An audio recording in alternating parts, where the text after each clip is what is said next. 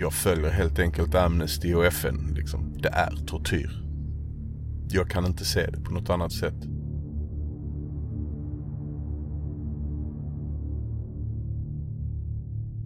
Du lyssnar på Svår att döda med mig Hugo Anderholm och Fabian Sigurd. Tredje avsnittet Häktad.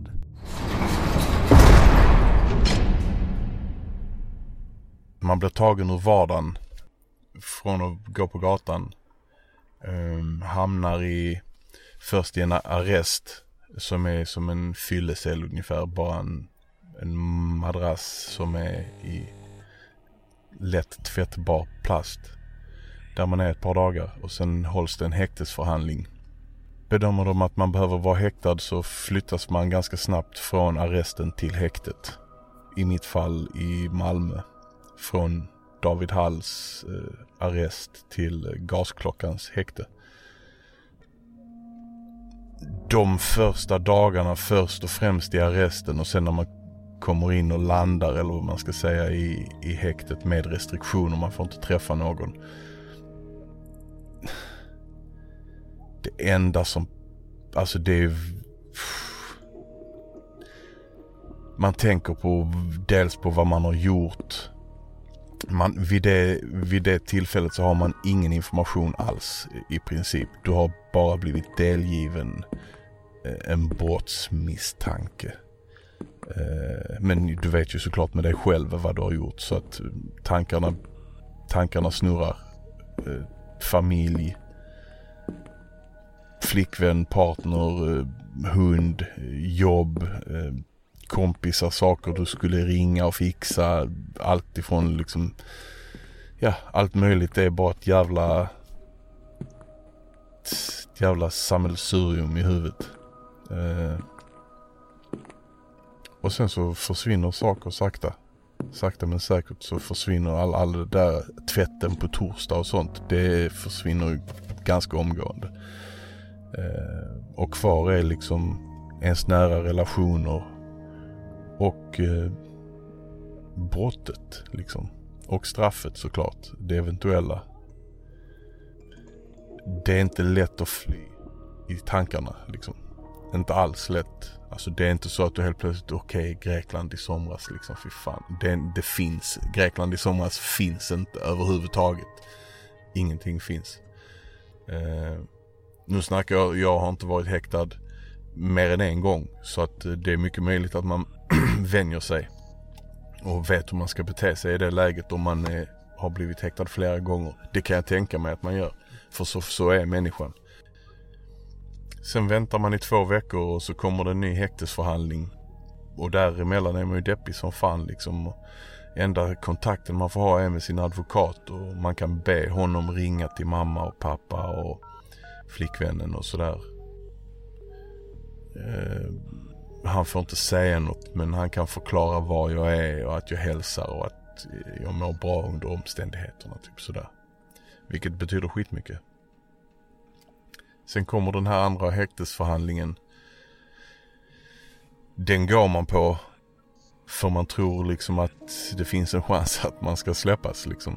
Vilket det gör vid varje häktesförhandling. Eh, det man inte vet när det är första gången är att du släpps inte vid en häktesförhandling. Utan allting är i eh, åklagarens händer. Säger han att han vill att du ska stanna så stannar du liksom i två veckor till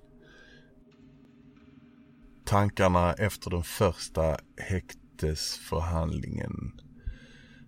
Det är ju så här och så, så tror jag att människan är liksom. Du ges en chans.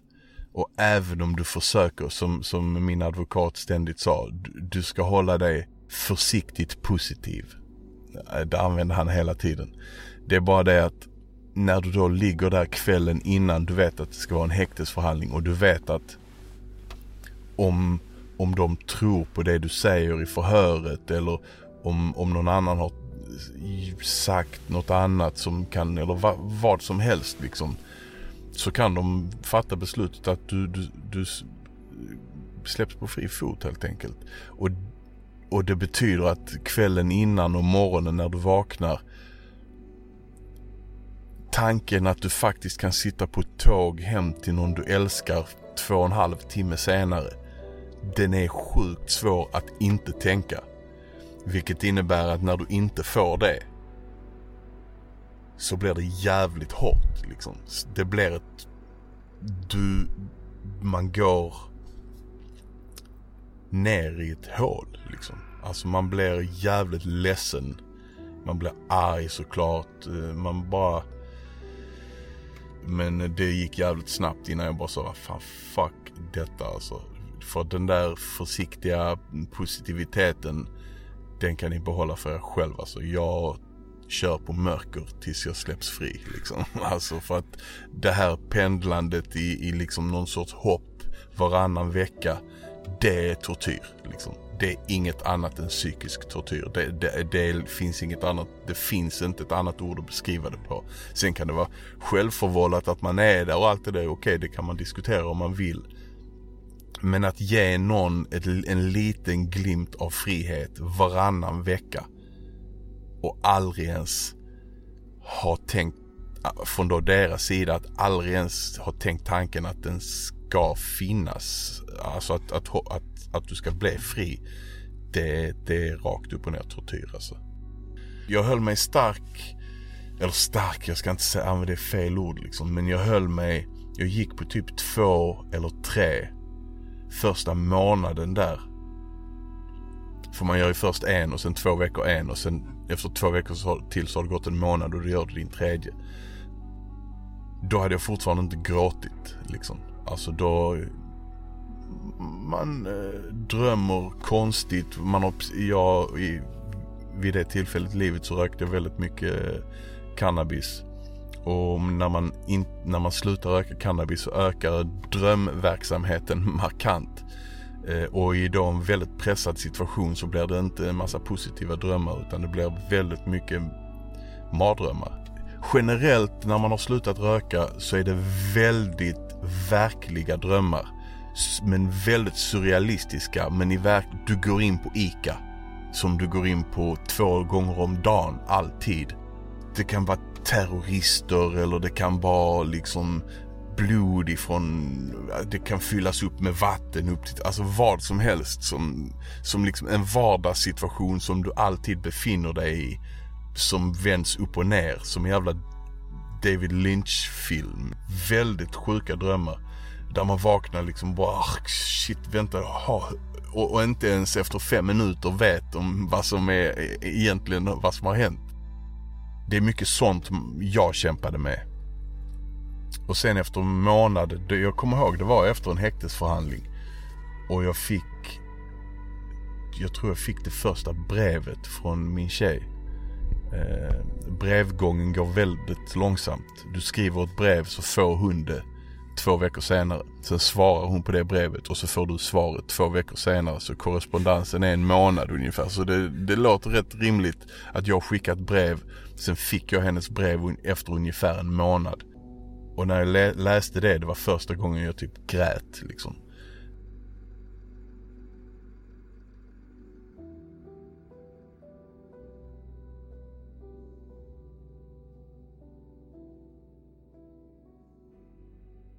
Hade du fortfarande hoppet uppe då när du gick in i den?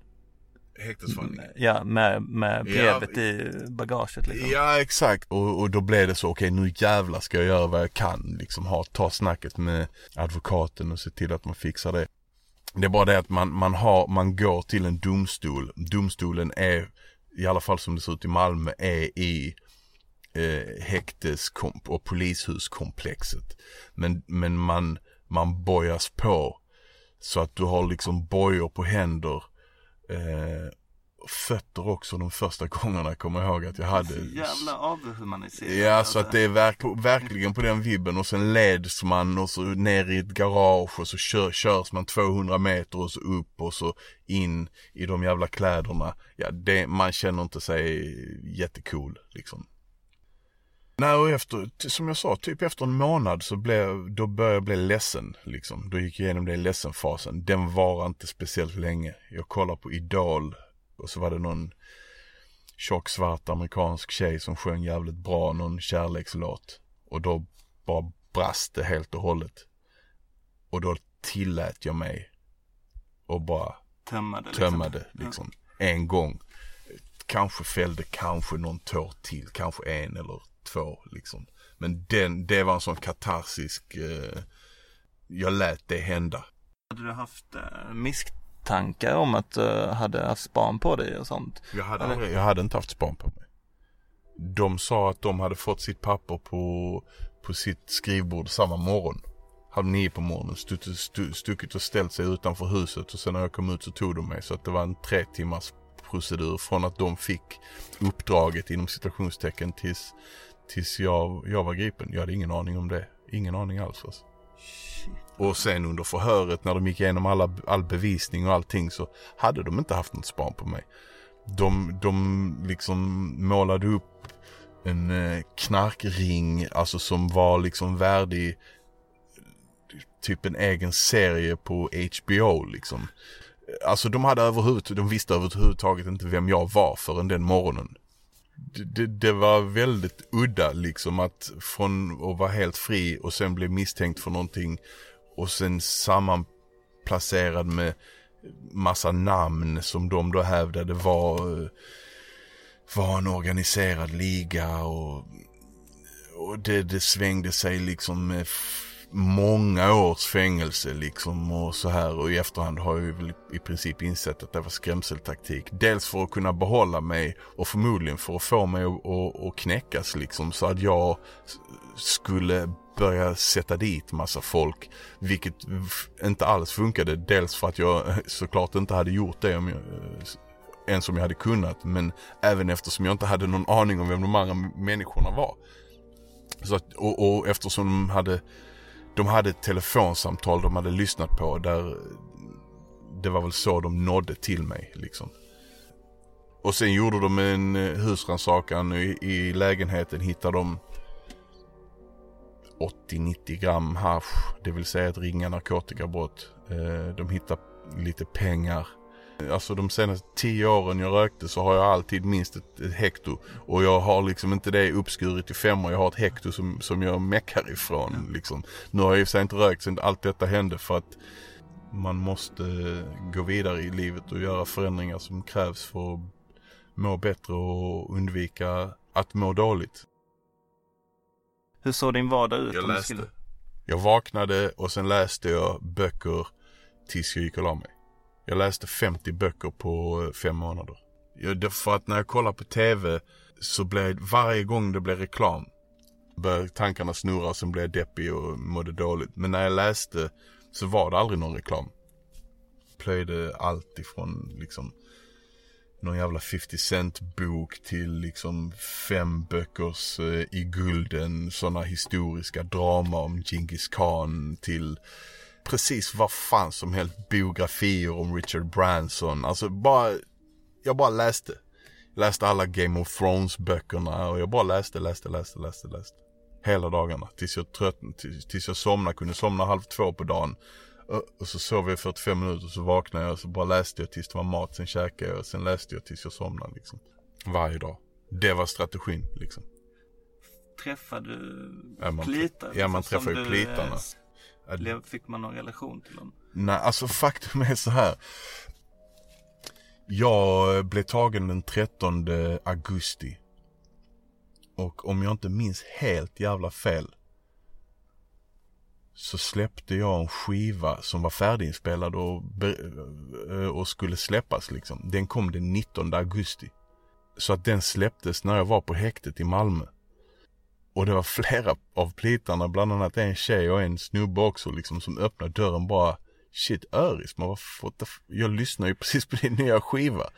Eh, vilket var så sjukt surrealistiskt liksom. Jag bara, men bara fuck you din jävla plit liksom. Alltså, men sen samma där. Jag är ingen sån, jag är liksom inte skolad på någon kriminell, du vet, någon kriminell förebild som har lärt mig Klart jag inte gillar plitarna men fan gillar de som har nycklarna när dörren själv inte har ett handtag. Det är klart att de blir din fiende. Men jag skyller inte på plitarna så fan. Jag pallar inte hänga med dem, jag pallar inte snacka med dem. Jag snackar mycket med prästen. Mm. Eh, det kom präst två dagar i veckan tror jag. Man kunde kalla på dem också om man ville men så, så angelägen var jag inte liksom. Men prästen var den enda som snackade utan att döma. För plitarna sitter där de har i Malmö så är plitarna luttrade. Det är inga jävla, de har varit med om ett par kriminella i sina celler liksom. Men prästerna var schyssta. Men eh, alltså hur bemötte de en? I Malmö så var, var de betydligt hårdare. Jag hoppade mellan lite olika häkte. Jag blev förflyttad. Eh, och i Malmö var det riktigt värdelöst. Det var fruktansvärt äcklig mat alltså. Eh, dessutom, om jag ska faktiskt spä på det lite till. De byggde om häktet i Malmö. Så från typ halv åtta på morgonen till fem varenda dag i tre månader så byggde de om våningen över med såna feta jävla borrar i golvet som bara lät så konstant i 9-10 timmar varje dag. Alltså i vissa dagar bara ställde jag mig rakt upp i rummet och bara skrek allt vad jag pallade tills bara rösten slutade funka liksom. För, och det var ingen som hörde att man skrek. Det gick inte att överrösta de borrarna. Det, det stod liksom sådana kranar på taken. Alltså det, det var liksom en byggarbetsplats. De bygger om i, i huset där jag bor nu. Det borrljudet som jag hör där. Jag, jag mår skitdåligt av det liksom. Jag frågade plitarna bara, ej vad fan i helvete liksom. Alltså, nej men det är ju, alltså vi fick eh, Eh, vi fick förfrågan om, om eh, vi skulle stänga detta häktet och så all, all personalen placerades ut tillfälligt på andra häkt runt om i Skåne med, under tiden bygget var, var klart. Men vi kände, ah, vi klarar det, vi går ändå hem på kvällarna liksom.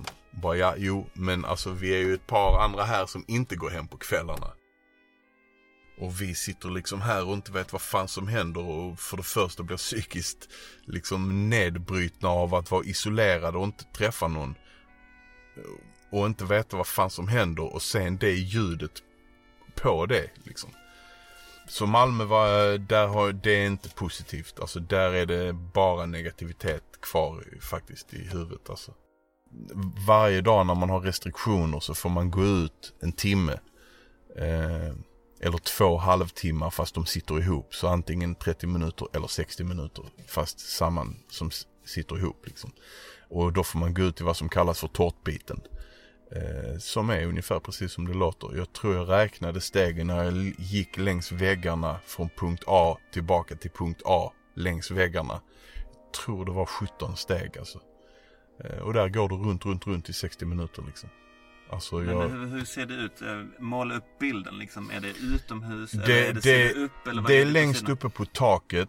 Det är höga, höga väggar som är ungefär, vad fan kan de vara, tre, tre och en halv, fyra meter höga gråa väggar. Så, så du ser inte ut, alltså det är inte N- öppen? Nej, nej, nej, du kan inte se ut och sen är det galler ovanför dig. Liksom.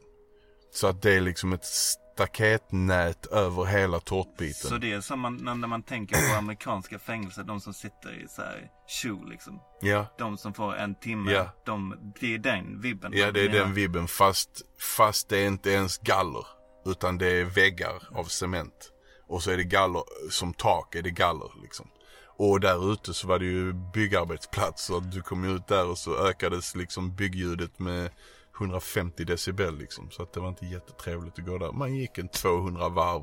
Eller vad fan det var liksom. Var det nice att komma dit? Alltså var det... Ut? Var, det- ja. Jag valde att gå ut i princip varje dag. Jag hade några deppiga perioder där jag sov igenom och bara fan jag pallar inte ens gå ut. Jag pallar knappt käka liksom. Sådana perioder går man säkert igenom liksom. När det kommer, när man har haft ett förhör eller när man får läsa någon annans förhör eller advokaten ringer och säger något. Små grejer blir väldigt stora liksom. Min advokat var fruktansvärt bra. Jag ringde honom i tid och otid söndag kväll halv nio. För att det enda samtalet häktespersonalen inte får lov att neka dig. Det är så, äh, du kan ringa på halv fyra på natten. De, de bara, "Hall- klockan är, jag skiter vad klockan är, ring honom liksom.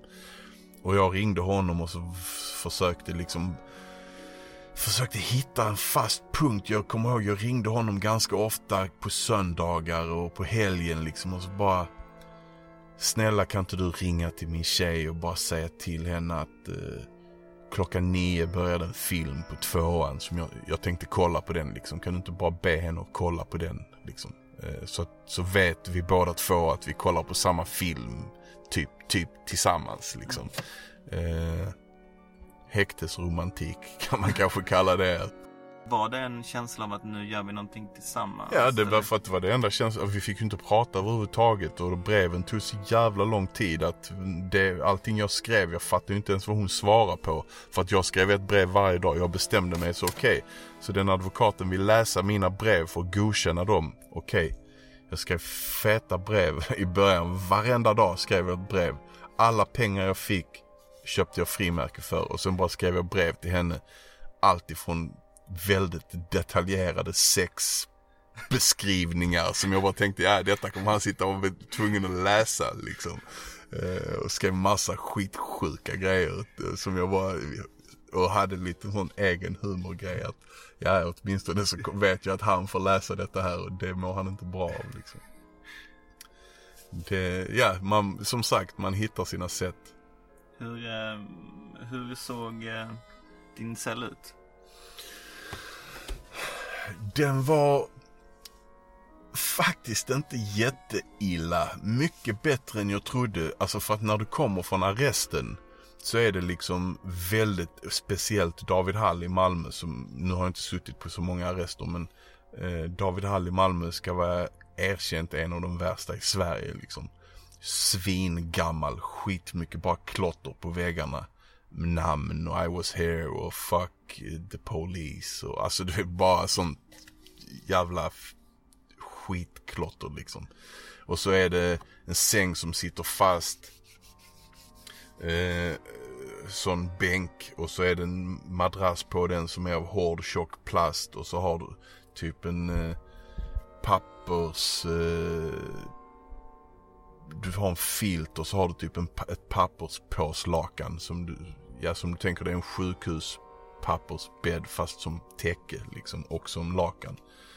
Och sen blir du flyttad till häktet och i häktet får du, jag överdriver när jag säger en riktig säng liksom men du får åtminstone en toalett eh, på rummet som de kallar det. Det är ju en cell, det är ju inget rum liksom. Och de kallar även den timmen utomhus, de kallar även det för promenaden. Vilket är att ta i så in i helvete liksom. För att som sagt, du får gå 200 varv på 60 minuter typ. Så att någon promenad sysslar du inte med. Typ 15 kvadrat, ett litet skrivbord, en liten hylla, en golvyta Eh, där man ändå kan göra en armhävning liksom. Alltså utan att slå i armbågarna någonstans. Och nu är jag två meter lång och väger 100 kilo så att det säger ju en del liksom. Och så såg det ut, ganska ljusa färger ändå. Eh, ett fönster in mot gården så man såg ju ingenting man ville se egentligen. Men ett fönster åtminstone. Vad var det på gården? Äh, polisbilar typ. Och så såg man typ eh, något annat, nej man såg inte så mycket gardiner. De persiennerna var lite vinklade så man kunde bara se ner eller upp beroende på var man satt. Men ja, det var som sagt lite polisbilar och... Det var inget kul man kunde sitta där och hänga och titta nej. ut och så här, se nej. folk som gick och sånt. Jag kommer ihåg Malmö vann SM-guld 2013. Eh, där på hösten vann de SM-guld. Eh, och då hörde jag fyrverkeriet. Eh, men som sagt, det, sådana grejer försöker jag inte få någon sympati för. Så man bäddar får man ligga. Det är jag ändå väldigt, vill jag vara väldigt tydlig med att så är det liksom. Mm. Sen tycker jag att, att det är liksom, alltså det är konstigt att, att bara bli plockad på gatan och sen inte komma hem på ett halvår. Utan, alltså för att de hela tiden, varje dag när du har någonting att säga, ja men du vet glöm inte att du är oskyldig. Liksom. Du är ju inte, du är ju inte dömd. Du bara, nej men jag känner ju inte mig så jävla oskyldig. Det är ju inte ens ett handtag på dörren. Ja, för du berättade innan att uh, den här upplevelsen med uh, ja, din häktningstid, att den, ehm, att den förändrade dig. Kan du inte utveckla det? Jo, alltså, alltså den sätter ju saker i perspektiv på det sättet att man, man det blir väldigt mycket ansvar på andra människor. Alltså typ tjejen och mamma och pappa och mina systrar och folk får fan lida för vad jag gör liksom. Och, och i mitt fall, jag är inte oskyldig. Alltså jag, jag erkände brott och jag blev dömd till, till fängelse och så vidare liksom. Men det var ju väldigt långt ifrån vad som målades upp och vad som påstods. Eh, vilket jag var väldigt snabb med att erkänna också. Så att jag, jag erkände mitt brott redan efter en månad typ. Eh, så erkände jag detta är vad jag har gjort, detta är min del, detta betyder siffrorna ni hörde i samtalet står för detta och detta och detta. Och så är det liksom. Eh, eh, men ja, implicerade inga andra människor i det egentligen. Eh, vilket säkert var det de ville. Det var säkert de sket i att tro på det och bara nej nej nej. Men som jag sa, jag erkände ju så att jag visste ju vad jag hade gjort. Och jag visste ungefär i princip vad jag skulle dömas för också även om tankarna svävar iväg lite då och då. Men i alla fall, efter jag blev släppt, väldigt deppig. Eh, det tog lång tid eh, för mig att återhämta mig. Eh, sov inte bra. Berätta om den, eh, den dagen du släpps. Vi har haft några rättegångar. De andra i fallet har haft sina rättegångar, där är jag inte med. Det kommer till en slutplädering eller vad det heter. Där alla som är delaktiga i fallet sitter med sina advokater, åklagaren, går igenom varje person eh, och sen vad han vill att straffet ska bli för var, var en person och då är det en domare och några nämndemän där. Den morgonen tog på mig skjorta, civila kläder. Jag åkte dit, bojad såklart. Släpptes in där, skittrevligt. Mamma och pappa var där, en kompis och hans tjej var där, tjejen var där. Såg dem. Eh, bara att se dem är fett som fan. Men eh, ja, de gick igenom hela det, allas fall. Det tog några timmar. Yrkade på straff hit dit i mitt fall så var åklagaren fortfarande helt besatt av de här första siffrorna och det här första. Säkert också för att han bara för att han kunde liksom. Han hade ju trots allt hållit mig häktad i sex månader på, på vissa siffror så att han körde väl på det rakt av. Och yrkade på väldigt långt straff, fem sex år liksom. Eh, och det var ju som en liksom en kniv i bröstet när han sa dem. Jag bara shit okej, okay, okej okay, detta är fy fan liksom. Och sen gick de, eh, ja, sa de allting när allting var klart och så skulle de, eh, så sa, de, så sa typ domaren bara så här. Han räknar alla namnen, han och han och han och han och han ska tillbaka till häktet. Men eh, Öris försätts på fri fot med omedelbar verkan. Jag bara, vad betyder det? Han bara, du kan gå ut genom dörren nu om du vill. Jag bara kör, kör mig tillbaka till häktet först liksom. Så jag får packa mina grejer i lugn och ro. Så kan jag gå hem sen. Måste jag sova på häktet i natt om jag åker dit? Han bara nej nej du kan åka dit och ta ditt shit sen kan du gå liksom. Så jag bara åkte med poliserna eller plitarna tillbaka till häktet. Eh, inte bojad för att då var jag satt på fri fot. Eh, packade mina grejer i lugn och ro där i cellen, gick ner och där nedanför så stod familj och tjejer, tjejer och kompis, boys och allting. Kramade alla och, och sådär, stack och käka. Glad, förvirrad, eh, mådde konstigt, trött. Övertrött, du vet så som när man liksom går upp i varv för att du är trött. Typ mm. så. Käkade en, lite ryggbiff och drack en öl typ. Eh, tjejen hade tagit in på hotell för att hela fallet var i Malmö eh, medan vi bor i Stockholm. Så vi åkte tillbaka till hotellet, sov i hotell, sov på hotell den natten, betydligt skönare säng. Eh, men ändå lite surrealistiskt för ett hotellrum är inte ditt hem. Det är lite som ett häkte fast du kan öppna dörren. Eh, visst. Eh, så att, ja det var... Det här, häkte deluxe. Ja, häkte deluxe, verkligen. Verkligen. Eh, ja. Sen vaknade nästa dag bara shit allting fortfarande fett konstigt. Åkte hem med tåget. Prata väldigt lite. Eh, pallar inte prata liksom. Fan jag hade inte pratat på så länge och und typ tröttnade. Jag läste liksom och jag, jag höll inte... Ja, så. Och sen... Eh, sen var jag så tystlåten och för mig själv. Helt enkelt. Vad är din åsikt om Sveriges häktningslagar?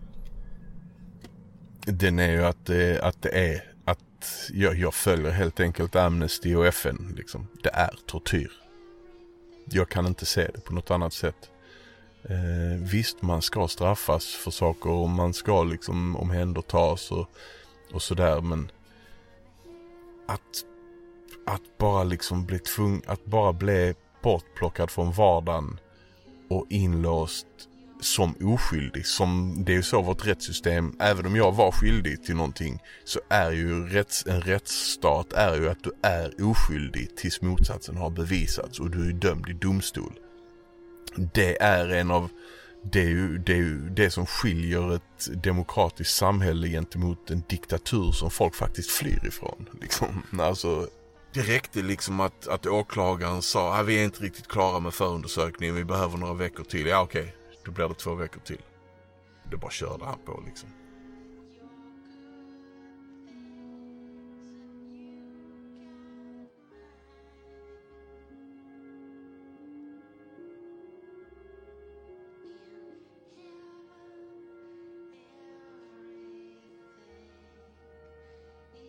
Du hörde precis Aris bli intervjuad av Hugo Anderholm i Svåra döda. Följ oss gärna på Facebook och på vår hemsida svåratdöda.se. Tack för att ni lyssnade.